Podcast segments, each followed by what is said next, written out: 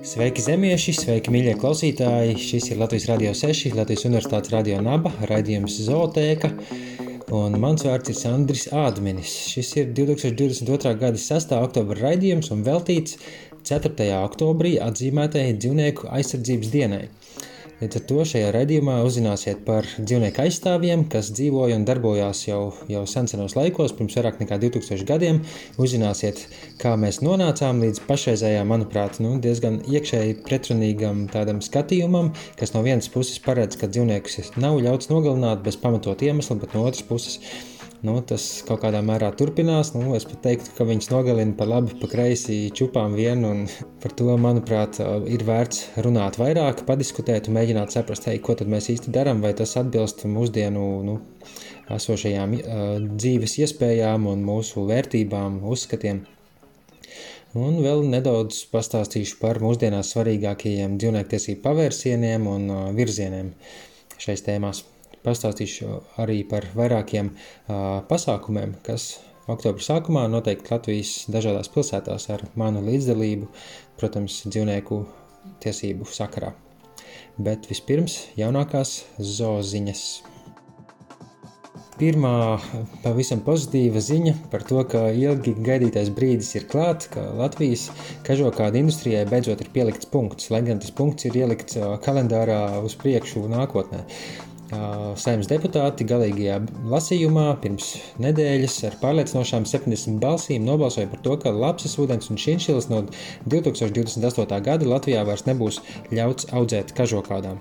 Tas nozīmē, ka šī, nu, manuprāt, šausmīgā tradīcija, ko varbūt pat par tradīciju nevajadzētu saukt, ka ik gadu rudenī ar gāzi un elektrību nogalināja vairāk nekā 300 tūkstoši dzīvniekus, nu, vismaz pēc pieciem gadiem tā kļūs par pagātni, beidzot, uz ko atskatīties ar, ar domāju, izbrīnu un jautājumu, kā mēs to varējām kādreiz pieļaut.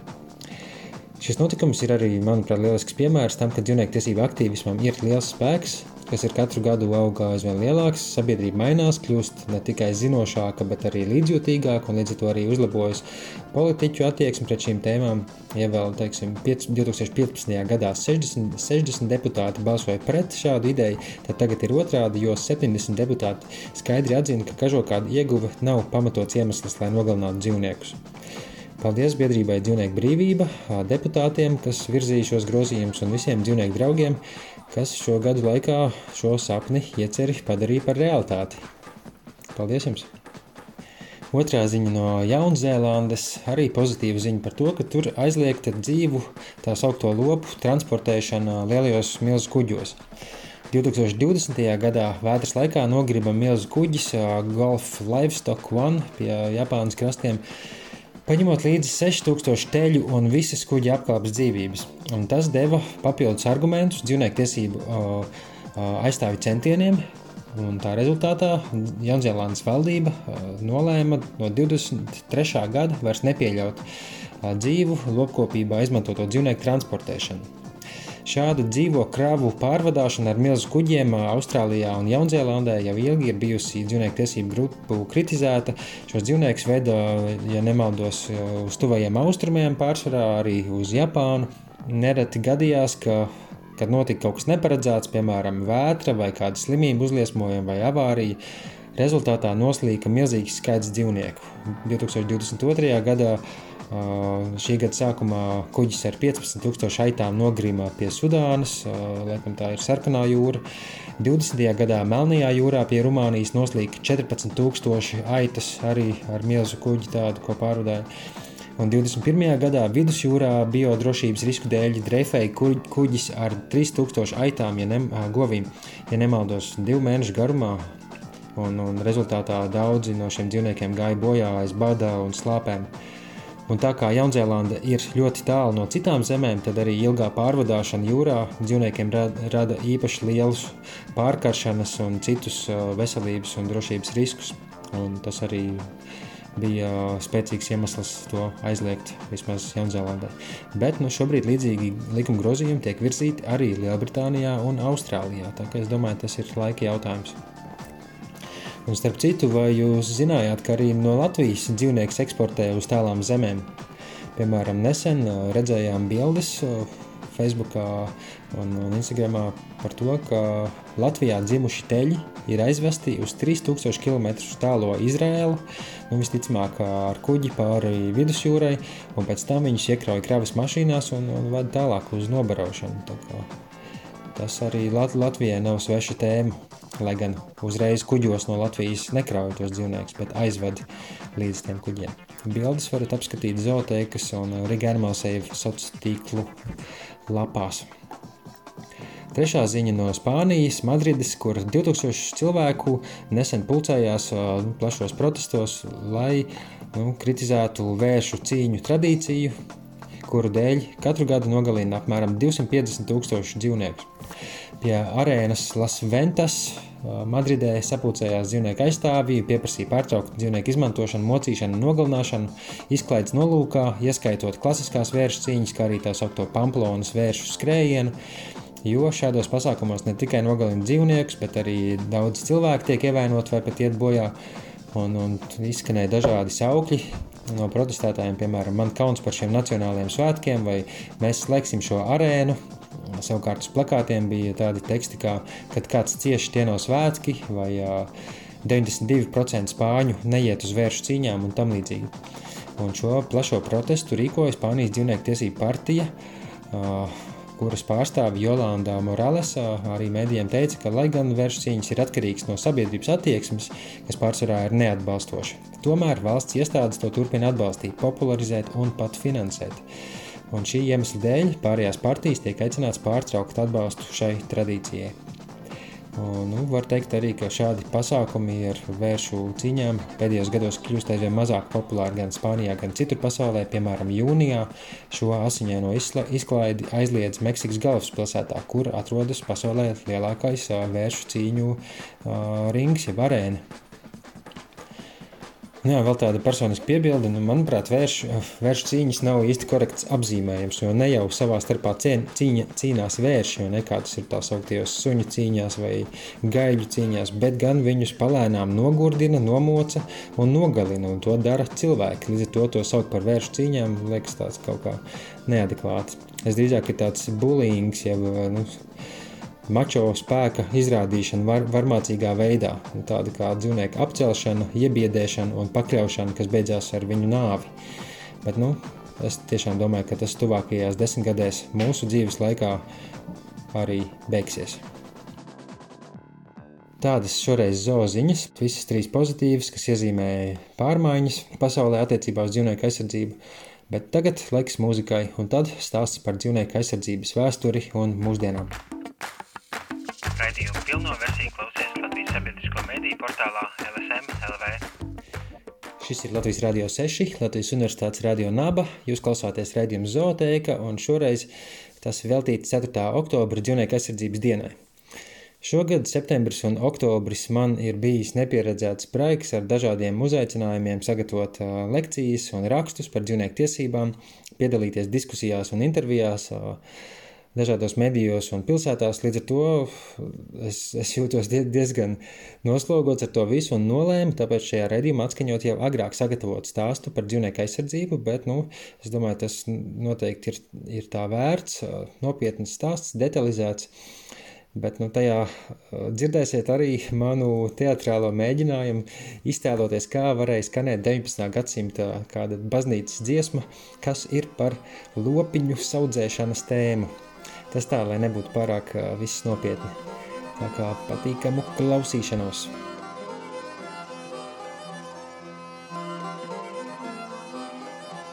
Ceturtais oktobris pasaulē tiek atzīmēts kā dzīvnieku aizsardzības diena, sākotnēji par godu svētajam Asīzes Franciskam, par kuru pastāstīšu nedaudz vēlāk, kad jau tiksim līdz viduslaikiem.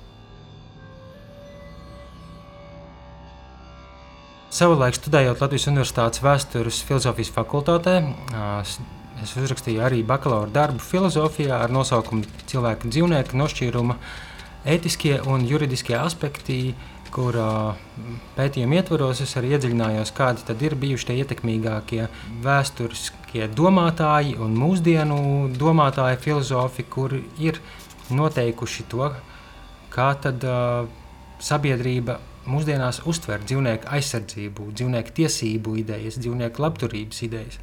Un savā ziņā tajā manā izpētē balstās šis šodienas stāsts. Pašas senākās manis izpētītās saknes dzīvnieku aizsardzības centieniem ir nu, savā ziņā, varētu teikt, ka Mūzus grāmatā, jeb vecās derības sākumā, jau ir iezīmētas kaut kādas idejas, kaut kādas attieksmes par to, ka tas kungs, Dievs, dod Ādamam vai cilvēkam tiesību valdīt pār, pār visu dzīvo radību uz zemes, ūdeņos un gaisā pēc tam, kad ir notikusi grēkā krišana, un, un, un tas kungs tā kā bezmaz sadusmojās un saka, labi, ņemiet, kaujiet, ēdiet, valdiet un, un, Nu, nav, nav viennozīmīga šī valdīt izpratne, angļu valodā dominion. Nu, katrā ziņā uz šo punktu diezgan bieži arī cilvēki diskusijās atsaucās. Tie, kuriem Bībelē ir, ir autoritatīvs dzīves principu avots.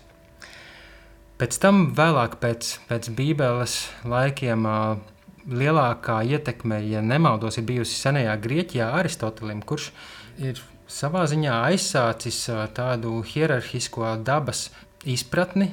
Viņš ne tikai ir uzskatāms par aizsācēju daudzām dabas zinātnēm, bet arī izveidoja tā saucamo dabas skalu, jeb dabas kāpnes, kur pirmajā zemākajā pakāpienā ir nedzīvādas dabas objekti, teiksim, akmeņi, pēc tam augstāk ir jau dažādi augi un koki, tā skaitā, pēc tam tālāk ir dažādi vienkāršākie dzīvnieki, tur kukaiņi un tā tālāk. Pēc tam ir četrkājainie dzīvnieki, kas mums ir līdzīgāki, un pēc tam cilvēks tam pāri visam, kā uz visaugstākā pakāpiena stāvošs.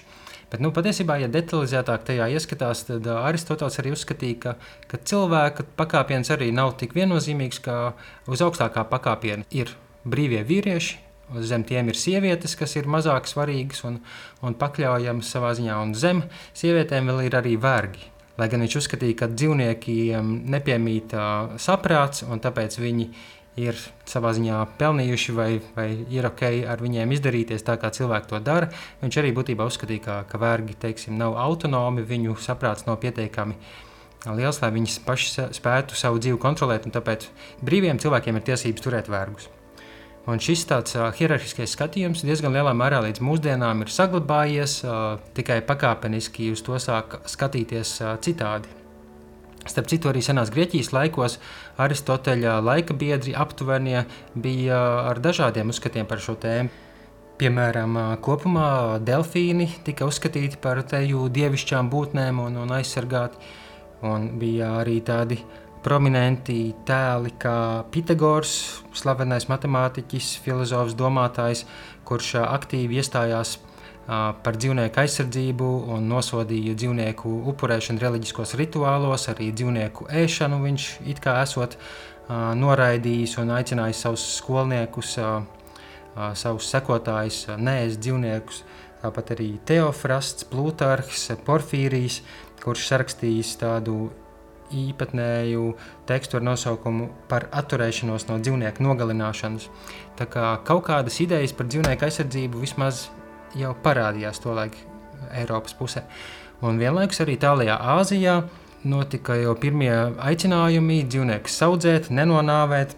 Un spilgtākais šai sakarā ir valdnieks Ašoka, kas uh, valdīja Magadonas impērijā, ja nemaldos, 3. gadsimtā pirms mūsu ēras tie vēsturiskie nostāstīji vēsta, ka viņš savu iekarojumu gaitā ir tik daudz redzējis varmar, varmācības un asins izliešanas, ka viņš vēlāk pieslēdzies budisma idejām par nevardarbību, par ciešanu, nevairošanu un tā skaitā uz saviem visas impērijas teritorijā izliktajiem tādiem tā kā likumu stabiem, esot iekalis arī aicinājumu vai prasību nenogalināt un nemedīt dzīvniekus.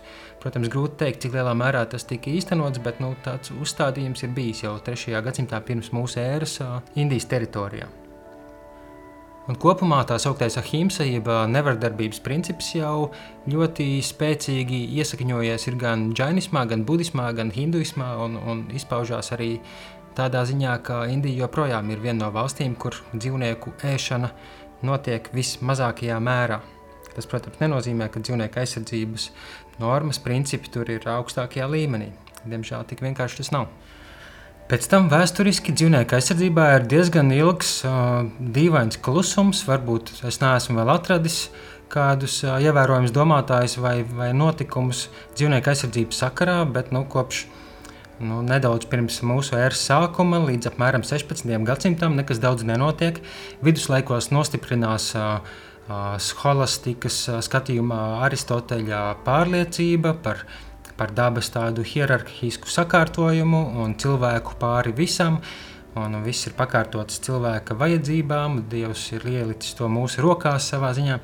Nu, arī jau sākumā minētais Asīzes Francisks, lai gan ir simboliski dzīvās dabas un dzīvnieku aizgādnis, nu, tomēr īsti nav saglabājies vēsturiski nekādu liecību par viņa pavisam tādu praktisku ietekmi vai, vai ideisku dzīvnieku aizstāvību, nu, tās ietekmi tā laika sabiedrībā. Bet no otras puses, atcaucoties uz viņu un viņa aicinājumu novērtēt dzīvās dabas kā dieva radības skaistumu, vēlāk par baznīcas tradīciju kļuva atzīmēt 4. oktobri kā, kā svētā Asīs Franciska dienu, Un, un kopš 1900, ja nemaldos, 25. gada, pateicoties vācu kinologam Cimermanim, to arī atzīmē kā dzīvnieku aizsardzības dienu. Un baznīcās notiek dievkalpojumi, aizlūdzot par dzīvniekiem, arī viņus uh, svētījot. Šķiet, ka Rīgā Torņkalna baznīcā tas joprojām ik gadu notiek ar, ar īpašiem dievkalpojumiem saistībā ar dzīvnieku aizsardzību. Varbūt vēl kādā baznīcā neesmu dzirdējis. Nu, vispār jau arī kristīgās draudzes lielā mērā vēlākajos gadsimtos ir bijušas iesaistītas agrīnajos dzīvnieku aizsardzības centienos un uh, organizāciju biedrību dibināšanā. Bet nu, par lūkšanu un svētīšanas noderīgumu dzīvnieku aizsardzībā nu, tas gan ir vairāk tāds miglātīts jautājums. Un pēc tam tikai 17. gadsimtā parādās pirmie lielie pavērsieni, pirmie zināmie dzīvnieku aizsardzības noteikumi, likumi, kas tiek izveidoti īrijā, tolaik 1635. gadā. Un, uh, tajos tika aizliegts plēst nost vilnu aitām, piestiprināt arklu pie zirga astes, un tas tika aprakstīts kā, kā nežēlība pret zvēriem, Un pamazām arī uh, līdzīgas idejas parādījās ASV, Massachusetts uh, līča kolonijā. Uh, noteikumi par, par mājdzīvnieku aizsardzību, pamazām arī tas šādi likumi parādījās Lielbritānijā. Uh, lielā mērā pateicoties tam, ka Olivers Kromvels, uh, valdības vadītājs, 17. gadsimta vidū viņam personiski nepatika tā sauktie asins sporti, piemēram, gaļu cīņas, gaļu mešana, suņu cīņas, arī kaut kas līdzīgs vēršu cīņām, tolaik aktuāls un, vēršu skraidināšana, lai padarītu viņu gaļu mīkstāku. Pamazām arī šādi likumi parādījās citās Eiropas valstīs, bet interesanti, ka apmēram tajā pašā laikā, 17. gadsimtā, dzīvoja viens no mūsdienu un vispār vēsturiski ietekmīgākajiem domātājiem pasaulē - Francūzis Renē Dekarts, filozofs, un arī matemātiķis, kurš būtībā aizstāvēja domu, ka dzīvnieki, atšķirībā no cilvēka, ir bez nemirstīgas dvēseles. Nu, viņš tā uzskatīja reliģisku apsvērumu dēļ, un līdz ar to viņš uzskatīja, ka dzīvniekiem nav spējas uh, apzināties ar viņiem notiekošo, līdz ar to viņi nejūt ne sāpes, ne ciešanas, neko tam līdzīgu. Un līdz ar to Dekarta skatījumā dzīvnieki ir drīzāk uztverami kā bioloģiskas mašīnas, kā tādi automāti. Un, un tāds salīdzinājums, ko es mēdzu bieži pieminēt, ka nu, vi, viņa un viņa sekotāju izpratnē tas, ka suns kauts, kad tam noder sāpes, ir uh, izskaidrojums tāpat, ka, ka tas, ka uzsitot ar mietiņu pa zvanu, mēs dzirdam ding, un viņš uzskatīja, ka dzīvnieku gadījumā tas mehānisms ir daudz komplicētāks, bet līdzīgi kā ar zvanu, tur nav nekādas apziņas klātbūtnes, ka tā ir tīri mehāniska cēloņa sakarība, ka dzīvnieks necieš, mums līdz ar to ir jāignorē šie signāli, ko varbūt intuitīvi pirmajā brīdī mēs izprotam kā dzīvnieku sāpes.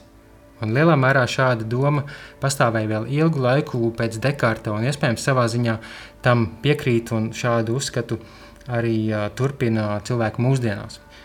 Neilgi pēc tam arī parādījās vācu filozofa, arī viena no filozofijas smagsvariem, Imants Kanta, uzskatīja pārliecību par to, ka mums dzīvnieku aizsardzība ir nepieciešama ne jau pašu dzīvnieku dēļ, ne jau tāpēc, ka pret viņiem mums ir kāds morāls, ētisks pienākums, jo viņi nav saprātīgi, viņi nav spriestspējīgi, bet mums ir pienākums pret līdzcilvēkiem. Un, ja mēs kaitējot dzīvniekam, teiksim, nogalinot, nositot suni, mēs, mēs sarūktināsim cilvēku, kas ir suņa īpašnieks, tad mums to nevajadzētu darīt. Šī iemesla dēļ, nevis tieši paša dzīvnieka labad.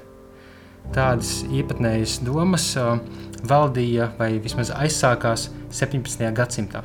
Par to, kas notika tālāk, pastāstīšu pēc mūzikas.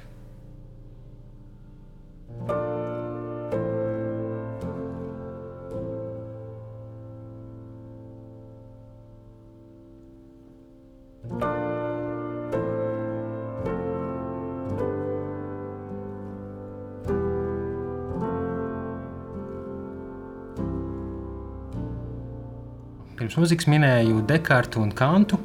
Un ap to pašu laiku arī britu filozofs Džons Loks, kurš argumentēja pret Dekarta uzskatiem, apgalvoja, ka dzīvniekiem tomēr ir kaut kāda spēja just, viņiem piemīt sajūtas, un nevajadzīga nežēlība pret tiem ir morāls ļaunums, ko vajadzētu novērst, no kā vajadzētu izvairīties.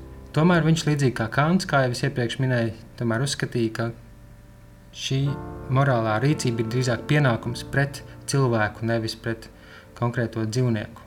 Jo savā ziņā ir uzskatāms, ka ieradums būt nežēlīgam pret dzīvniekiem savā ziņā pakāpeniski var arī nocietināt cilvēka sirdi, prātu pret līdzcilvēkiem.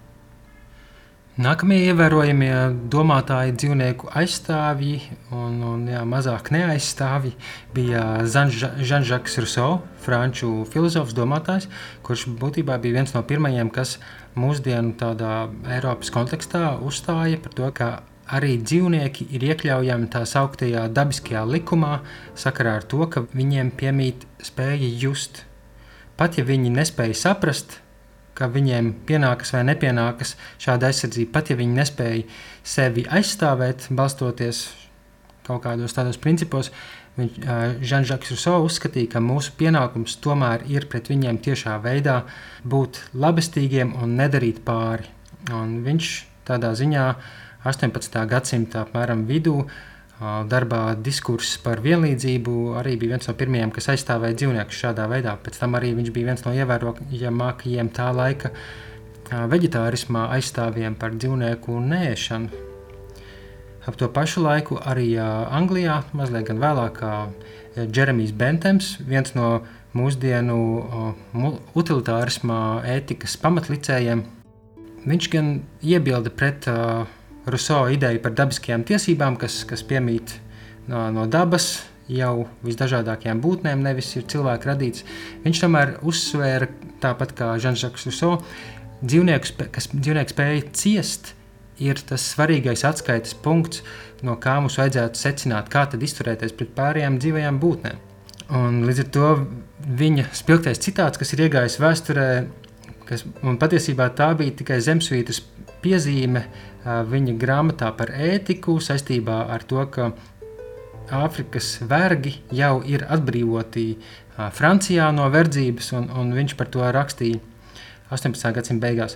Franči jau ir sapratuši, ka ādas melnums nav iemesls tam, lai cilvēkam atņemtu tiesības un pakļautu mocībām. Un var pienākt laiks, kad mēs sapratīsim, ka arī kāju skaits spalvas biezums vai, vai citi ārējas pazīmes ir iemesls, lai pret kādu izturētos nevērīgi, nežēlīgi.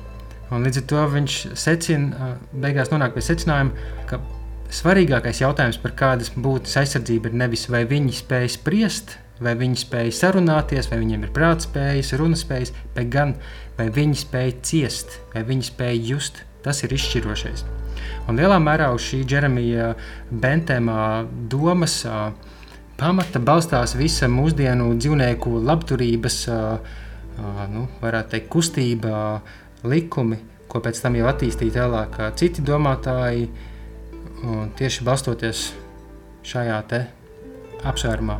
Ciešanas ir primārākas par spēju runāt vai, vai domāt, vismaz attiecībā uz to, kuram pienāks aizsardzība, kuram organismam un, un par kuras organismu iekļaušanu ētikā uh, ir bezjēdzīgi runāt. Nu, piemēram, līdz šim joprojām nav īsti izskanējuši nopietni argumenti, ka vajadzētu labturības principus attiecināt uz augiem. Ne?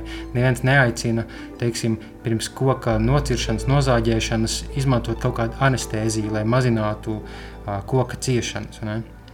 Bet attiecībā uz dzīvniekiem kopš tā laika tas kļūst aizvien aktuālāk. Arī parādās anestēzija, ko attiecina izmanto ne tikai cilvēkiem, bet arī dzīvniekiem. Pamazām tiek iz, izmēsta no, no sabiedrības dažādas eh, asiņainākās izpausmes, kā piemēram jau minētās suņu cīņas, kas agrāk bija ļoti populāras, un, un āpšu cīņas, uzrīdot viņiem suņus virsū un, un tam līdzīgi. Tas, protams, nenozīmē, ka, ka mūsdienās vairs nekas tāds neeksistē, bet kopš tā laika parādījās nopietni centieni to izbeigt un iestrādāt likumos dažādas ierobežojumus un aizliegumus. Un kopš tā laika, protams, arī likumi kļūst aizvien detalizētāki, niansētāki attiecībā uz dzīvnieku aizsardzību un par visdažādākajām konkrētām dzīvnieku sugām. 19. gadsimtā pasaulē, tā skaitā Eiropā un arī Latvijā, parādās jau pavisam nopietni centieni aizstāvēt dzīvniekus, parādās pirmās dzīvnieku aizsardzības biedrības, dažādas uh, publikācijas, grāmatās un, un citos izdevumos.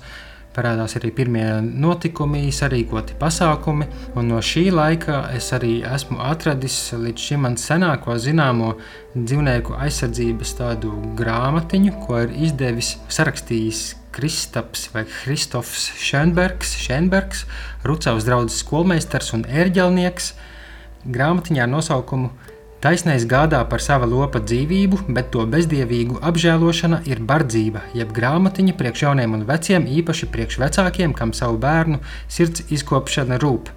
Tāds lūk, ļoti kodolīgs nosaukums grāmatai. Tā ir izdota Jelgavā 1871. gadā, un es palasīšu tagad mazliet no pirmajām lapusēm. Grāmatiņa ir iespiesta vecajā drukā, ik pa laikam parādās dažādi dīvaini vārdi un apzīmējumi, tā kā piedodiet, ja es pa laikam kaut kur aizķeros. Tātad teksts. Tie no iekšķīgu lietu ministra kunga apstiprināti likumi pret lopu mocīšanu ir iekš Kurzemes gubernijas avīzēm tai 30. aprīļa 1866 numur 33 sludināti un tā skan. Pirmais ir aizliegts redzami slimus, gaudenus un ievainotus un klibus zirgus pie darba brūķēt. Otrais nav brīvi lopus ar cietiem spiciem jeb asiem rīkiem, kā rungām un tā joprojām sist, pa galvu un pa vēderu sist ir pavisam aizliegts. Trešais ir aizliegts lopiem uzkraut pa grūtu viņa spēkam vai arī slikta ceļa dēļ neiespējamu vezumu. 4. Nevienam nav brīvi pilsētās aulekšiem braukt, ir pat ar tukšiem vāģiem, ne, nedz vēl ar cilvēkiem vai ar vezumu. 5. Ir aizliegts zirgu ar valgu ap kaklu piesiet vezuma pakaļā, kad tas priekšā aizjūgt zirgs tikko spēj to vezumu vilkt. 6.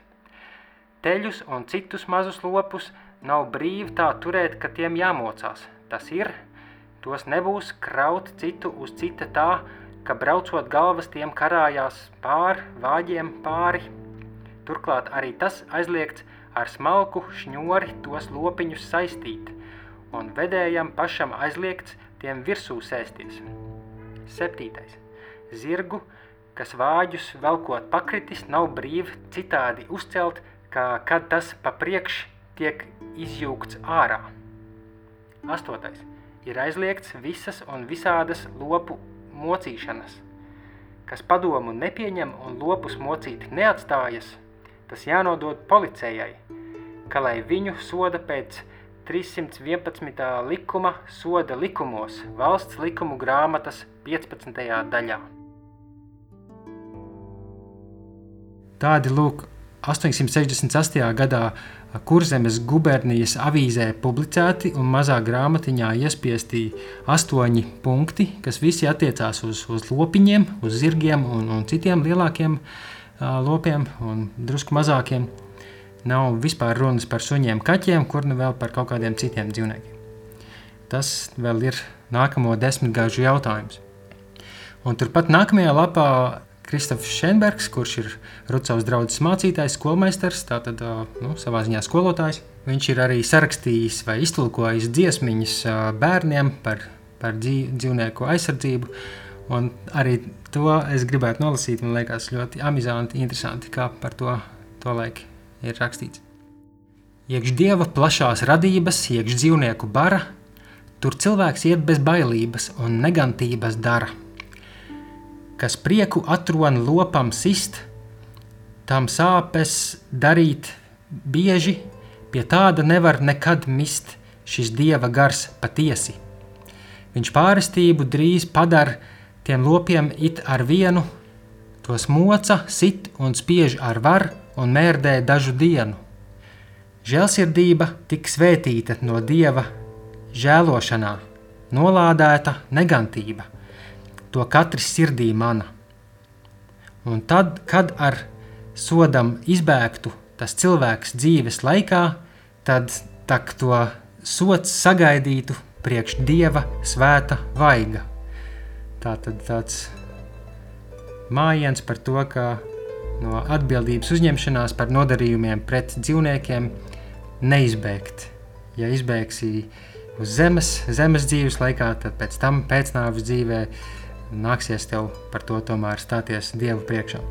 Tāda interesanta maza grāmatiņa, ko varēja bibliotekā atrast, izrakt.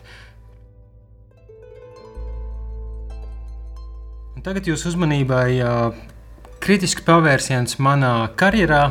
Es nolēmu pirmo reizi radio ietvaros padziedāt, šķiet, ka pirmo reizi. Un es iedomājos, ja jau šis uh, Kristofers Šenbergs ir bijis uh, Rucavas draugs serģelnieks, mācītājs, viņš noteikti arī saviem uh, skolēniem ir uh, piedāvājis dziedāt šo dziesmu, un gan jau ir sacene, sacerējis arī melodiju, vai melodija ir jau bijusi iepriekš šai dziesmai. Tā kā es mēģināju iztēloties, kā tas varētu skanēt.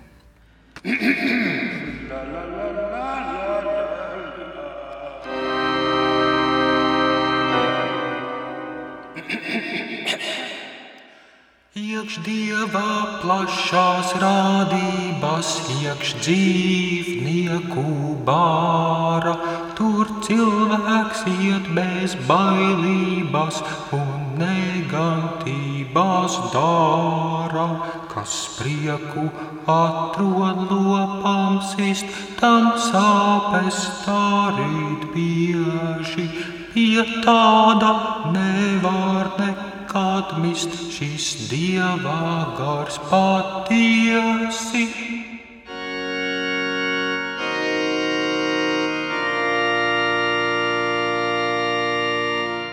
Jā, kā, kā, kā tā.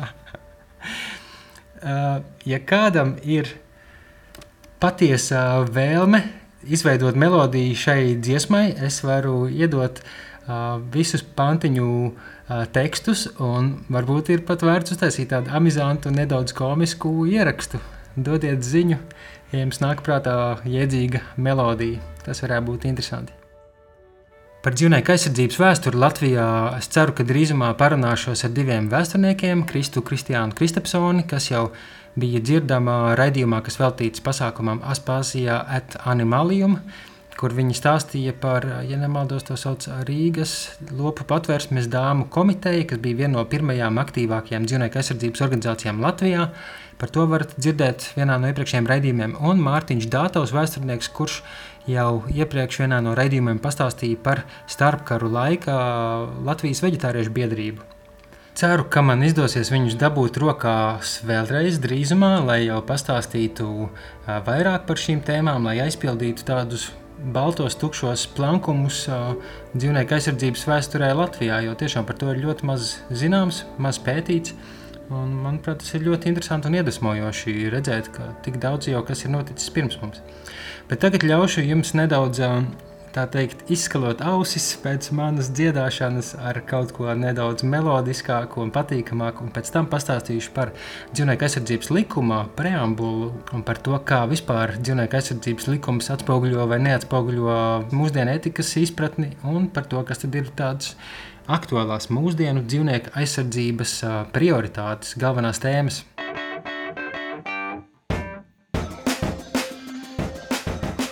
Jūs joprojām klausāties Latvijas Rādio 6, Latvijas Universitātes Radio Naba. Šis ir zootēka raidījums veltīts dzīvnieku aizsardzības dienai. Šobrīd esam tikuši līdz 20. gadsimtam.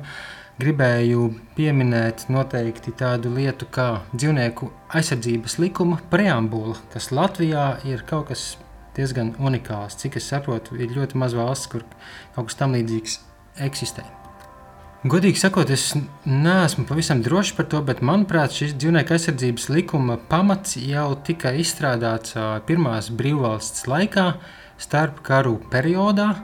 Es domāju, ka arī tad šī preambula, jeb likuma ievads ir tapis. Un, un tas skan tā. Cilvēks ētiskais pienākums ir nodrošināt visu sugu dzīvnieku labturību un aizsardzību, jo katrs īpatnis pats par sevi ir vērtība. Cilvēkam ir morāls pienākums cienīt jebkuru radību, izturēties pret dzīvniekiem ar iejūtīgu sapratni un tos aizsargāt. Nevienam nav atļauts bez pamatota iemesla nogalināt dzīvnieku, nodarītam sāpes, radīt ciešanas vai citādi kaitēt.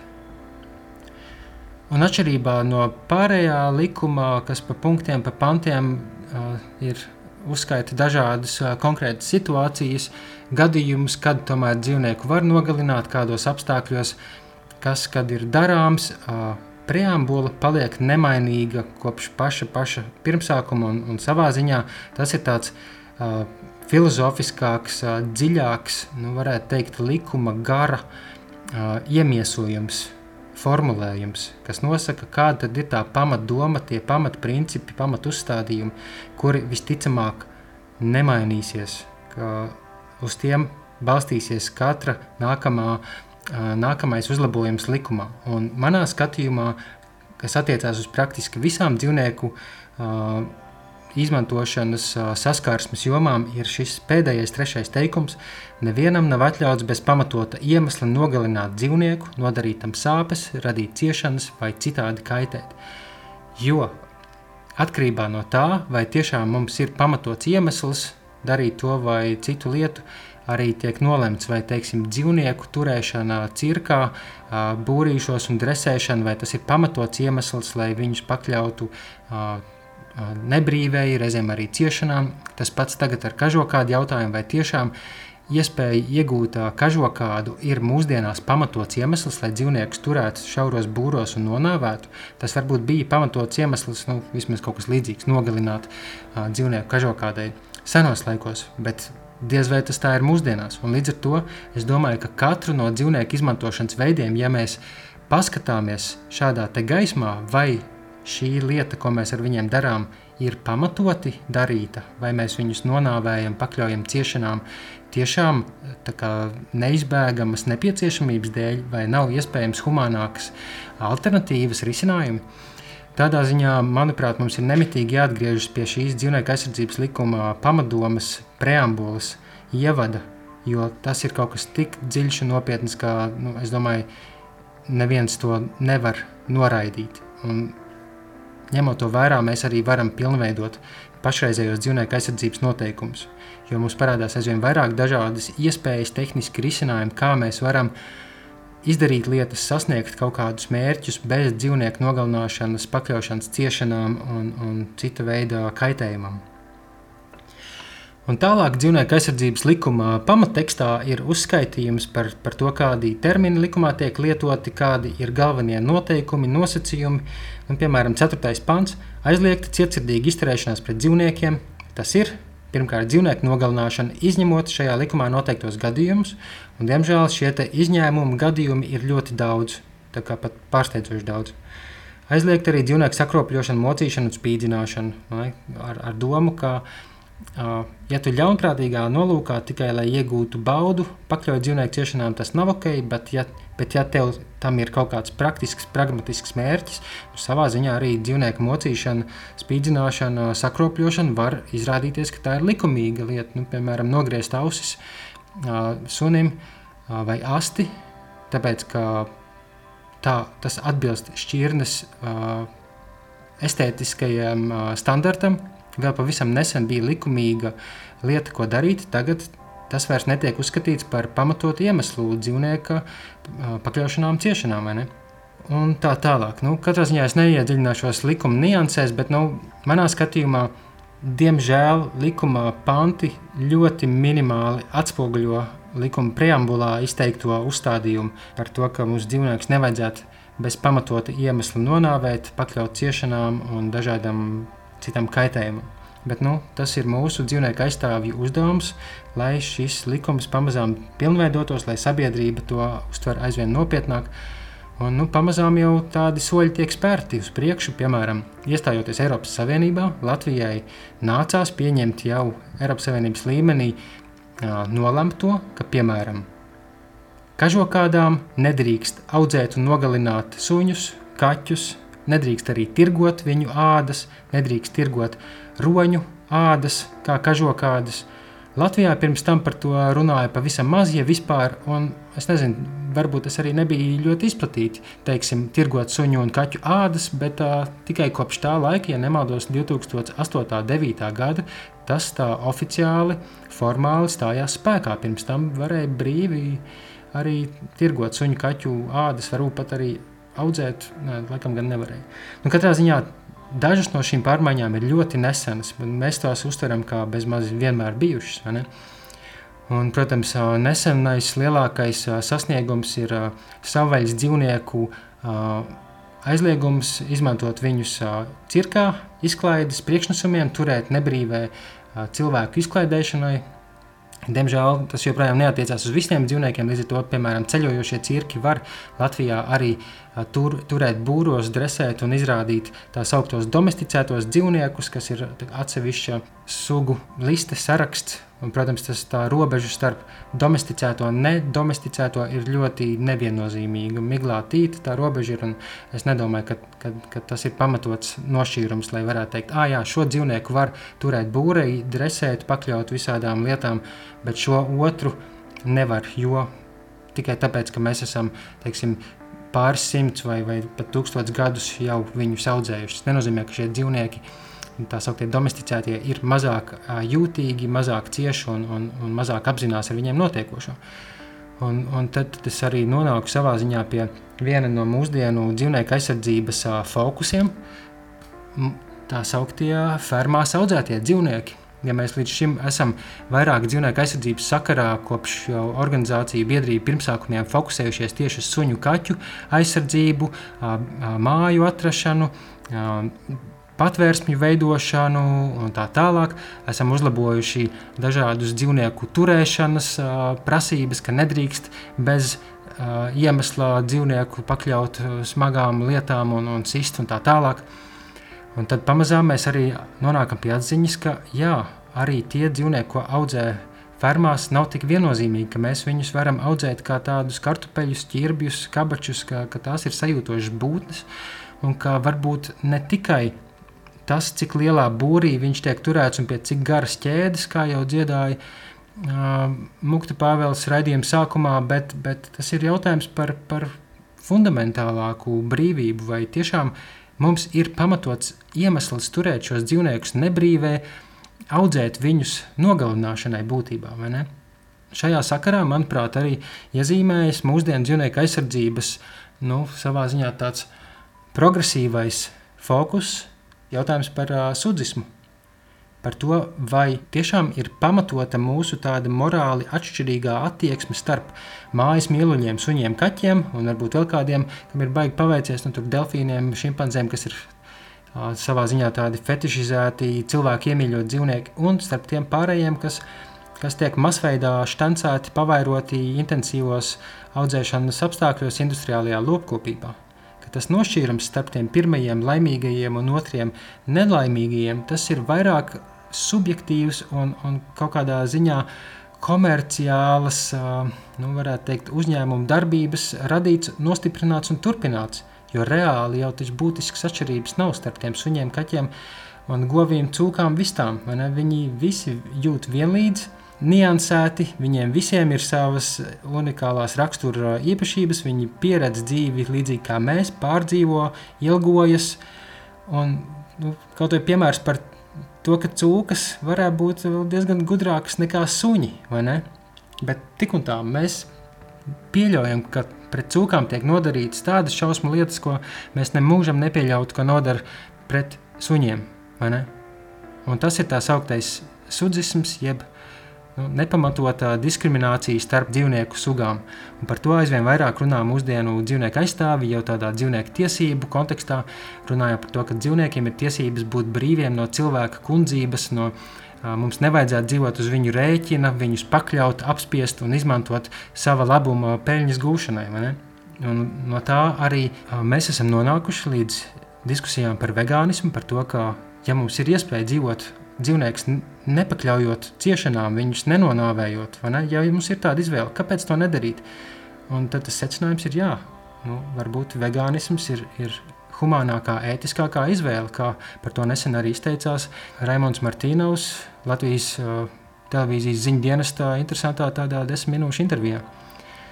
Parādās arī tāda lieta, ka saudzētavas, kas ir savā ziņā nu, tādas mūža patvērsmes, tā kā tādi pansionāti fermā audzētiem dzīvniekiem.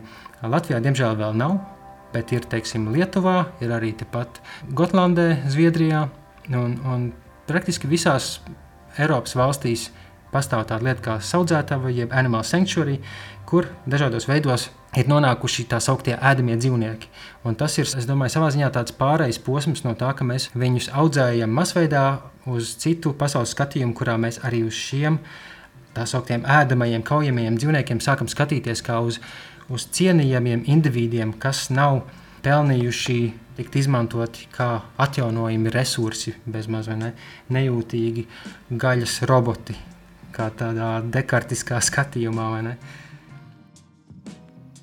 Tāds bija dzīvnieku aizsardzības dienai veltītais stāsts. Ceru, ka jums bija interesanti un noderīgi.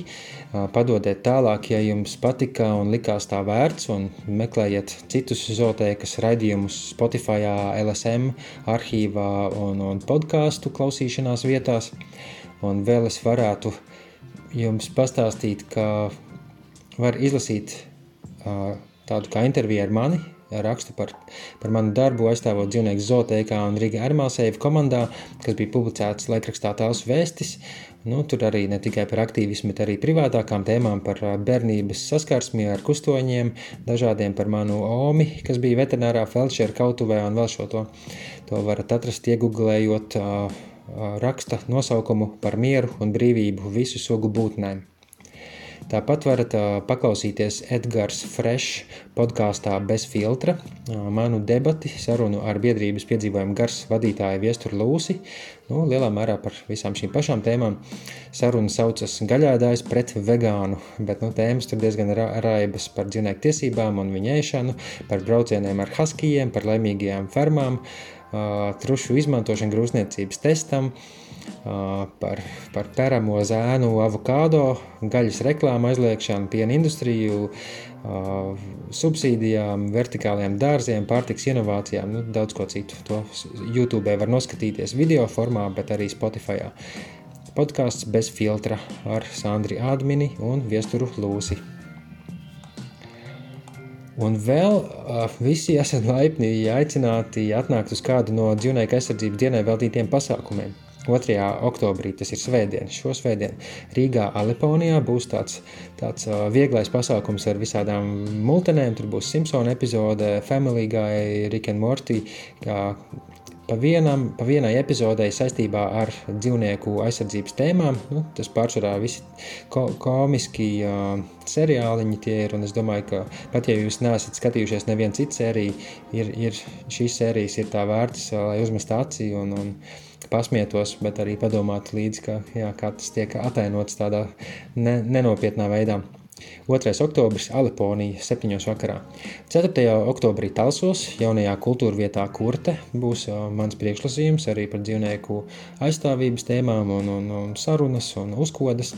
5. oktobrī Ventspils tehnikumā notiks nu, tāda kā konference, kurā es arī piedalos, bet nu, tur laikam uz vietas tik klāt nevarēs, bet varēs Facebook lapā skatīties Ventspils tehnikuma. Facebook lapā būs tiešraidi pusdienlaikā, ja nemaldos. 5. 5. oktobra pēcpusdienā Rīgas vēstures kuģniecības muzejā būs diskusija par maidzīvniekiem 21. gadsimtā, kur arī es piedalos kopā ar, ar dažādiem citiem speciālistiem, varbūt lielākiem pat šajā jomā nekā es, drīzāk lielākiem. Jā. Un 7. oktobrī Valkas pilsētas bibliotēkā. Es piedalos pasākumā kopā ar topošo, dzīvnieku, topošo veterināru ārstu palīgu un, un, un esošo dzīvnieku aizstāvi Gintu Laviņu. Un 13. oktobrī Kuldīgas galvenajā bibliotekā arī tās līdzīgas tēmas, tur būs vairāk tāda diskusija, saruna. Meklējiet informāciju par visiem šiem pasākumiem zootēkas sociālajos tīklos, Facebookā un Instagramā un varbūt arī Twitterī. Paldies visiem maniem atbalstītājiem Patreonā, Paypalā un citur, kas, kas man ļauj ar šo visu nodarboties visdažādākajās nedēļas dienās neatteikt visādiem uzaicinājumiem, piedāvājumiem, jo nu, es gribu ar to nodarboties pēc iespējas vairāk. Ja cilvēkiem ir interesi, ja man aicina rīko pasākums, super, es esmu gatavs braukt bez jebkāda arī atalgojuma, bet to, to man palīdz īstenot cilvēki, kas ir uzstādījuši nelielus regulāros ziedojumus Patreon.com lapā. Un šoreiz pateikšos pieciem konkrētiem cilvēkiem - Dita Virga, Agnese Mūrniece, Kārlis Bardelis, Ineta Erdmane un Ilze Balode. Mīļš jums paldies, ka, ka piemetat pa kapeiciņai vai, vai vairāk. Katrs kā nu var atļauties, jo tas tiešām man rada šo, manuprāt, unikālo iespēju pilnībā atvēlēt savu laiku, uzmanību un enerģiju dzīvnieku aizstāvībai. Ja vēlaties viņiem pievienoties, meklējiet patreon.com lapā manu vārdu meklētājā Andris Adminis. Linku var atrast arī Zoteikas sociālos. Ja vēlaties, var arī ziedot caur PayPal, caur adresi sandris.aa.gmail. Atsūtiet kādas ziņas, jaunumus, iesakiet tēmas, raidījumu viesus un padodiet tālāk gan raidījumus, gan ziņas. Tas, tas viss ļoti palīdz un nāk par labu. Tāds šoreiz raidījums, kura noslēgumā es gribu arī vēl nolasīt citātu. Kamēr mēs nesajutīsim radniecības saiknes starp mūsu sugu un pārējiem mirstīgajiem, kur ar mums dala dzīves sauli un ēnu uz šīs agonējošās planētas, pārējām sugām nav cerību, apkārtējai videi nav cerību un nav cerības arī mūsu pašiem. Tā ir rakstījis Džons Vins Taisons, angļu rakstnieks, kas kā aktīvists iestājās par mieru pasaulē un dzīvnieku tiesībām jau senos laikos, nu, 20. gadsimta vidū jau viņš nodzīvoja 95 gadus ilgu mūžu no 1924. gada līdz 2020. gadam. Un jā, manuprāt, šī ir ārkārtīgi svarīga tēma par to, ka, nu, Ja mēs nepārtrauksim sevi uztvert kā nu, tādas pārpasaulīgas radības, kas ir nu, radītas un, un eksistē nošķirti no pārējām būtnēm, nu, nav liela cerība, ka mēs spēsim novērst uh, visvisādas problēmas, ar ko mums aizvien vairāk jau šobrīd ir jāsaskarās. Tā kā novēlu mums visiem aizvien ciešāk šīs saiknes apzināties un, un, un tā rezultātā arī mainīt savu skatījumu un, un iestāties par visdažādāko sugu būtnēm, ne tikai uh, mūsu sugas brāļiem un māsām. Paldies, ka klausījāties, paldies, ka domājāt līdzi, un kā vienmēr aicinu sākt ar sevi, audzēt sevi, lai mēs varētu audzēt arī viens otru un arī visus pārējos. Atā!